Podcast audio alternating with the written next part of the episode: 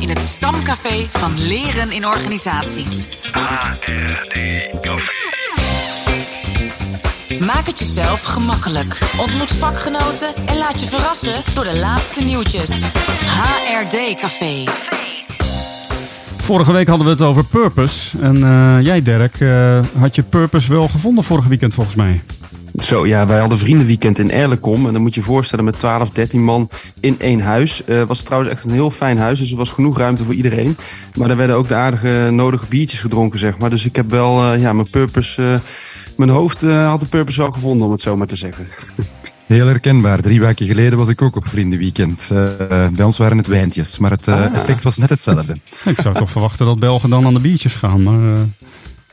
Ja, bier was er ook, maar hangt er vanaf. Veel wijnliefhebbers in het gezelschap. Op de cover deze aflevering prijkt de promotie van Martijn van Ooyen, onze Kelsens en Smit collega. Met succes verdedigde hij zijn promotie met als titel Not All Fish Will Survive, Working with a Multitude of Urgency Narratives in Processes of Change. En tijdens zijn lekenpraatje, dat gaat voor, is voorafgaand aan, aan de promotie voor de leken, dus dat was in ieder geval iets wat ik ook begreep, vertelde hij in Jip en Janneke taal over zijn promotieonderzoek. Ik nam het op met mijn eigen iPhone. Mijn fascinatie startte bij een speech van een opdrachtgever waar ik je even mee wil nemen. Ik ben bij de start van een leiderschapsprogramma en luister naar het verhaal van een directeur voor een vijftigtal managers. Het gaat om een groot farmaceutisch bedrijf. Wat mij enorm bijbleef in de speech was de volgende zin. Het is alsof de zuurgraad van het water in het aquarium toeneemt. We zwemmen nu met veel vissen in dat aquarium, maar niet alle vissen zullen de verhoogde zuurgraad overleven. Hij probeert, zo lijkt het, mensen mee te nemen in zijn beeld dat verandering nodig is. Leidinggevenden moeten snel reageren op de veranderende omstandigheden in de markt. En hij stelt dat deze uitdaging niet bij iedereen zal passen. Ik kijk de zaal in en kan de leidinggevende vanaf de zijkant bekijken. De meeste van hen luisteren rustig, maar er is tumult achterin. Een beetje zoals in de klas vroeger. Mensen lachen en wisselen betekenisvolle blikken uit. Ik kijk naar ze omdat ik mezelf een beetje uit balans voel door het praatje. Bedoelt de directeur dat de mensen in de zaal de vissen zijn omdat ze niet tegen de zuurgaat kunnen? Wat bedoelt hij met deze metafoor? Ik ben uitgenodigd om vandaag binnen het leiderschapsprogramma een onderdeel te verzorgen en voel niet helemaal de ruimte om op te staan en een vraag te stellen. Mijn collega staat al bij het podium om te openen naar de directeur, waarna ik, de groep, waarna ik aan de groep zal worden voorgesteld om over mijn workshop te vertellen. Terwijl ik het podium opstap, heb ik een raar gevoel in mijn buik. Het voelt alsof ik in een verhaal stap waar ik me nog niet goed toe kan verhouden, ook al moet ik er wel een rol spelen. Jij was erbij, Pieter-Jan. Ik ben zo blij voor Martijn. Als ik zo uh, dat fragment hoor en ik uh, plak dat in de dag, wat was voor jou het mooiste moment die dag? Nou ja, dit, is, dit was het verhaal waarmee die begon. En dat is dan toch ook wel weer mooi als je een proefschrift over verhalen schrijft. Dat je ook de, het aantal verhalen wat zeg maar, ook tijdens de verdediging aan de orde kwam, dat was ook. Uh, ja, dat was, uh, dat was heel veel. Dus, dat, dat, dus daarmee was het ook wel heel consistent. En ik moet wel zeggen, van als dan zo'n commissie binnenkomt lopen in die togas, het is ook wel een soort van poppenkast. Maar goed, dan, dan, dan gaat dat hele gebeuren beginnen en dan word je ook wel weer meegenomen in een ritueel. En op een gegeven moment is het dan alsof je naar een soort bokswedstrijd zit te kijken. Dus het is echt een scherp debat. En uh, nou, ik begreep ook dat Martijn echt niet gespaard werd door zijn promotoren. Dus er werden hele ja, scherpe, mooie vragen gesteld. Soms ook over onderzoeksmethodiek en dergelijke. Maar dan zie je echt dat ze de degens kruisen.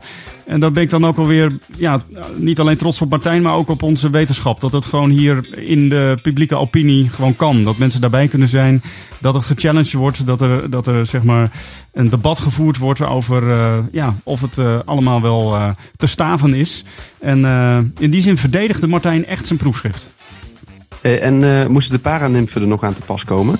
De paranimfen die keken heel verliefd zo naar Martijn. Die zaten aan de, aan de beide kanten van Koen en, en Maarten waren dat. En die keken heel aanmoedigend naar Martijn. Ze hoefden er inhoudelijk niet aan te pas komen. Maar ik, ik, kan, me, ik kan me voorstellen dat hun manier van zijn daar zo daarnaast... dat dat Martijn heel veel vertrouwen heeft gegeven. Mooi. de centrale onderzoeksvraag van het onderzoek luidde en houd je vast. Hoe interacteren urgentieverhalen dynamisch met elkaar in veranderingsprocessen met maatschappelijke impact? En het woord urgentie, dat heeft alles met tijd te maken. Ik kwam er in het onderzoek achter dat kloktijd dominant is. Dat we onbewust ons leven organiseren rond de klok. En dat dit ook in veranderingsprocessen een rol speelt. We willen van A naar B via een rechte lijn. Urgentie is dan iets wat je als manager of veranderaar kunt maken en dat anderen dan meegaan. Daarin zit een gedachte van maakbaarheid. Het accent ligt op meetbaar, logisch en objectief. Maar complexe verandervraagstukken waar veel verschillende mensen bij betrokken zijn, die zijn niet altijd zo maakbaar. Ik voelde me bij het lezen het meest thuis bij de ideeën van Paul Ricoeur over tijd. Of de klok doortikt is volgens hem niet interessant. Want verhalen gaan dwars door de tijd heen, vooruit, achteruit en weer terug. Bij hem staan de tijdgebonden verhalen van mensen centraal. In het nu komt alles samen. Zowel het verleden als de toekomst. Het is er allemaal, de hele tijd. Mensen geven volgens Ricoeur doorlopend betekenis aan tijd via verhalen. Ze doen dat door gebeurtenissen uit het verleden te herinneren, aandacht te besteden aan het nu en op basis daarvan verwachtingen te ontwikkelen voor de toekomst. Er zijn mensen die terugverlangen naar hoe het was en anderen zitten voortdurend met hun hoofd in de toekomst. De verschillende urgentieverhalen die mensen maken creëert een dynamiek. En daar krijg je als veranderaar mee te maken. Hoe ga je om met die veelheid aan verhalen? Ik leerde vroeger, wij hebben horloges, maar in Afrika hebben ze de tijd. Dat, uh, dat klopt misschien ook wel, omdat, uh, tenminste dat is mijn ervaring, in, verhalen, of in Afrika verhalen zo belangrijk zijn. En in, in die verhalen kun je natuurlijk ook de tijd verliezen. Verhalen geven betekenis en, en kunnen zo een moment ook heel belangrijk maken. En dan weet je gewoon even niet meer waar je bent. Ik moet meteen denken aan uh, toen ik in, uh, wat was het, 2012 in Burkina Faso in een kamp zat. bij, ik was de gast in een dorp. En dat we zo bij een kampvuur zaten met de dorpsoudsten, et cetera. En toen ging het over het ontstaansverhaal van het dorp. En dat was echt mega gaaf hoe dat eraan toe ging. Bij een kampvuur. Iedereen, jong, oud, zat gefascineerd te kijken. En ja, dat, ik kon er geen woord van verstaan trouwens, want het was in de lokale taal. Maar je zag hoe dat ja, hoe dat vol passie dat verhaal verteld werd. En alle, hoe belangrijk dat was voor hun om naar te luisteren. Dus kinderen die zaten ook echt met open mond te luisteren naar die ontstaansverhalen van die dorpsoudsten. Dus daar moet ik even aan denken als je dat zegt over uh, in Afrika hebben ze tijd. Uh, mooi.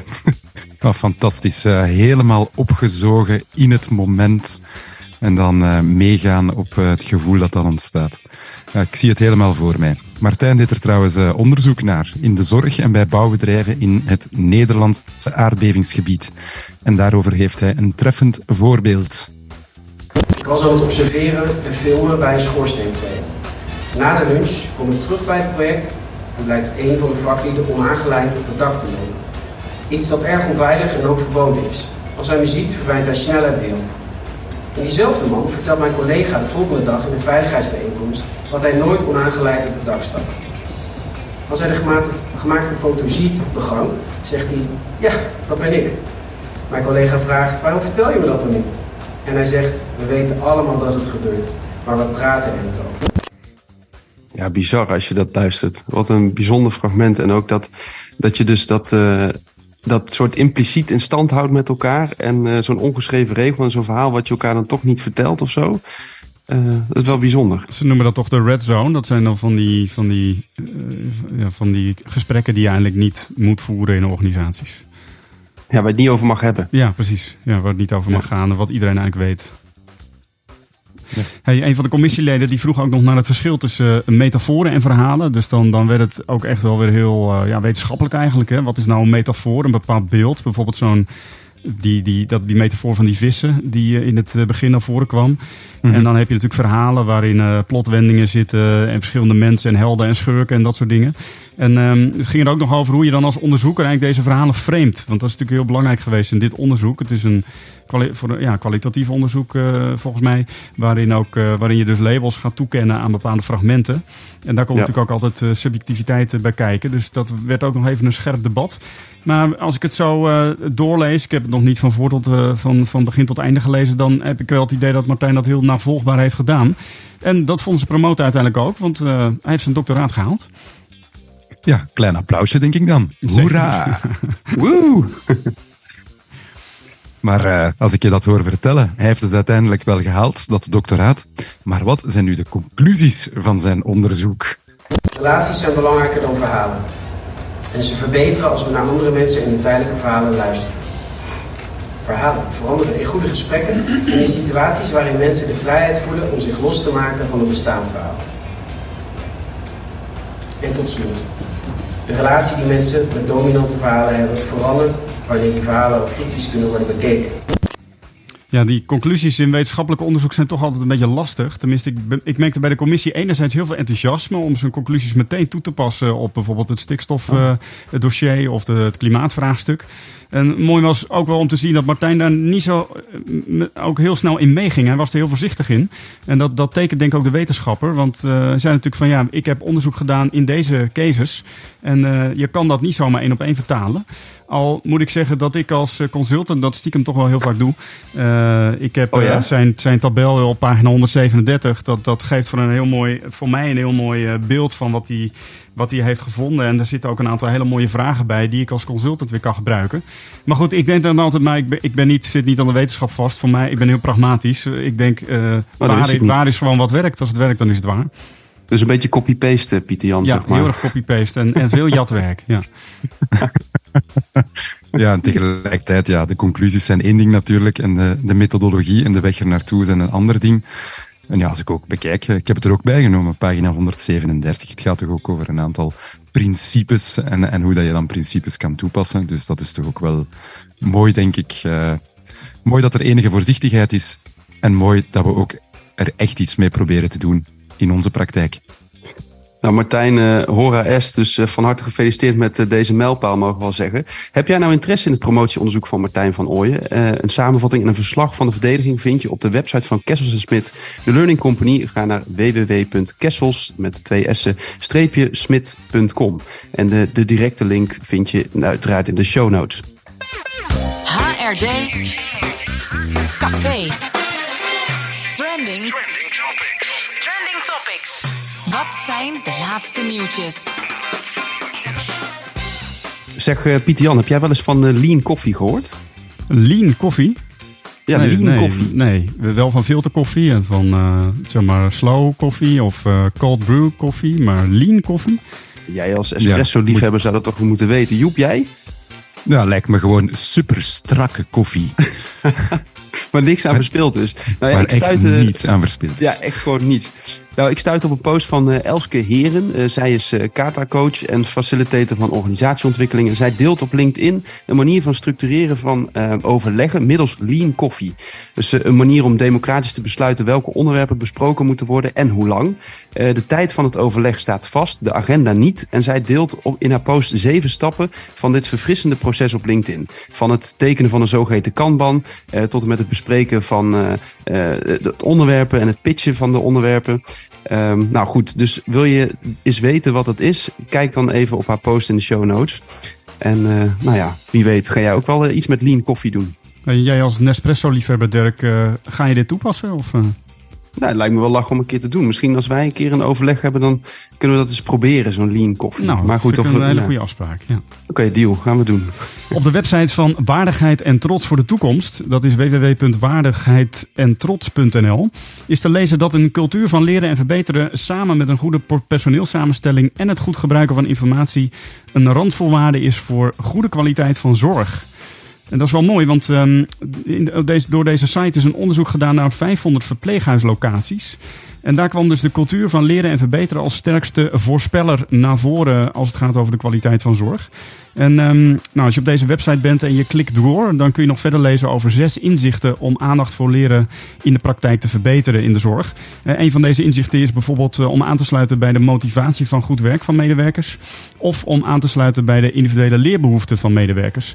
En voor meer informatie kijk je dus op www.waardigheid-en-trots.nl. En bij HR Magazine lezen we dat uit de tweejaarlijkse werkgeversbevraging van HR-dienstenbedrijf Acerta en onderzoeksbureau Indivil blijkt dat wie de mogelijkheid heeft om thuis te werken, dat gemiddeld één of twee dagen in de week doet. Thuiswerken lijkt in de toekomst ook niet af te nemen. 76% van de bedrijven wil het aantal thuiswerkdagen behouden of zelfs verhogen. Dat heeft niet in het minste met het spectaculair gegroeide vertrouwen van leidinggevenden in hun thuiswerkende teamleden. Maar liefst 88% van de leidinggevenden geeft aan vertrouwen te hebben in hun thuiswerkende teamleden. Wat een enorme stijging is ten opzichte van 2021, toen maar 68% aangaf vertrouwen te hebben in thuiswerkers. Onze werkgewoontes, tenslotte, worden ook beïnvloed door de energiecrisis. 8% van de bedrijven geeft aan dat hun medewerkers vaker komen douchen op het werk. En waarom een keer dus? We werken nu thuis en douchen op het werk. Nieuwsgierig naar meer inzichten uit de werkgeversbevraging? Ga dan eens kijken op www.hrmagazine.be. Ik denk dat ik even mijn badslippers meeneem binnenkort eh, naar de Malibaan. Is er eigenlijk een douche, Pieter Jan? Nee, hè? Nee, nee, maar je kan gewoon je hoofd onder de kraan steken. Dat, Ja, oké, dat, is ook, ja, dat is ook voldoende.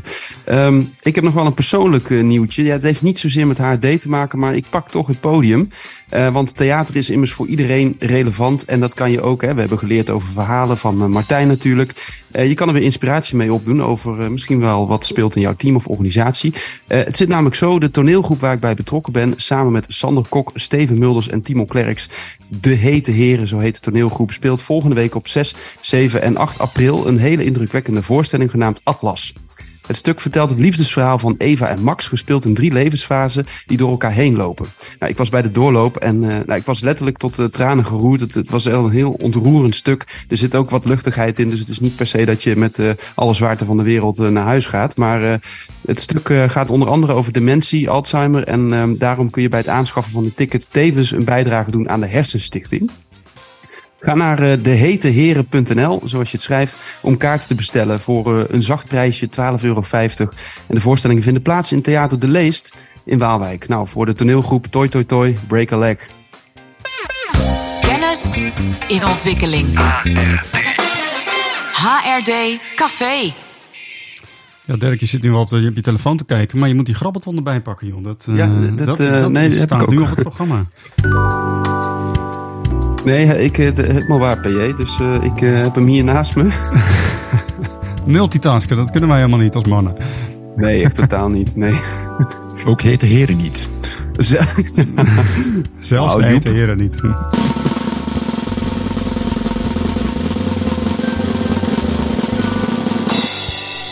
Ja, nummer 4. Uh, nou, daar komt hij. Uh, dit boek zal je niet leren hoe je iets kunt binnenhalen of bereiken, maar hoe je met verlies omgaat en dingen kunt loslaten. Het zal je leren om je leven onder de loep te nemen en alleen de belangrijkste zaken te koesteren. Het zal je leren je ogen te sluiten en erop te vertrouwen dat je achterover kunt vallen en toch oké zult zijn. Het zal je leren minder fucks te geven. Het zal je leren geen moeite te doen. Hmm. Hmm. Het is een boek over stoppen of ergens mee ik, iets ik dacht eerst over, ja, ik dacht eerst over rouw, maar nu komt Ja. met, met die fuck komt voorbij. Don't give a fuck. Ja, is- ik denk dat het een boek is. eh, niet? ja, dus, ja, dus de ondertitel is De tegendraadse aanpak voor een goed leven. En, eh, nou, maar jij zit heel dichtbij, Joep, dus dat is wel mooi. Zal ik hem gewoon zeggen? Het is, eh, ja, in het Nederlands is het De edele kunst van not giving a fuck Oh ja. Eh, van Mark Manson. Dat is een eh, nou, vrij inspirerend boek. Die wat heb jij gelezen, juist... toch? Ik heb hem gelezen, Ja. ja. ja. zeker. Ja. Ik was er erg door geïnspireerd, omdat het zo lekker Amerikaans opgeschreven is. En je denkt na een paar zinnen van, yeah, dat is helemaal waar, weet je wel. Uh, maar dat van not giving a fuck gaat eigenlijk dus meer over van, ja, dat je juist heel goed in kaart leert brengen waar je echt een fuck om zou moeten geven. Dus, uh, nou ja, ik vind het een heel inspirerend boek. En ik denk dat ik hem weer eens opnieuw moet lezen eigenlijk. Ik heb het boek hier ook ergens liggen. Ik ga het Ah. nog eens eh, vastnemen, omdat je het nu zo zegt. Opnieuw? Ja, dankjewel weer voor het eh, luisteren naar de HD Café podcast. Eh, nou, Joep, jouw sabbatical die gaat bijna beginnen, hè? Dus eh, heb je er zin in? Oh, Klopt, 1 april, no joking. Jeetje. Er. Superleuk, ja. En, maar je eh, komt wel af en toe langs in HD Café, dus daar zijn we heel blij mee.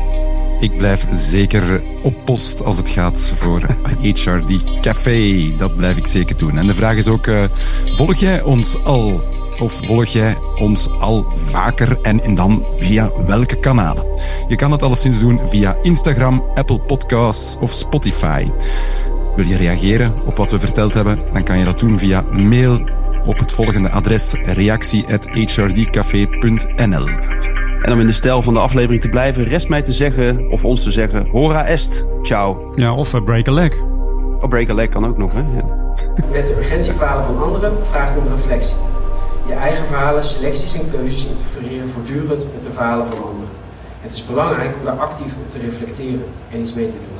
Kessels En Smit. Broadcasting. Every story needs a cast.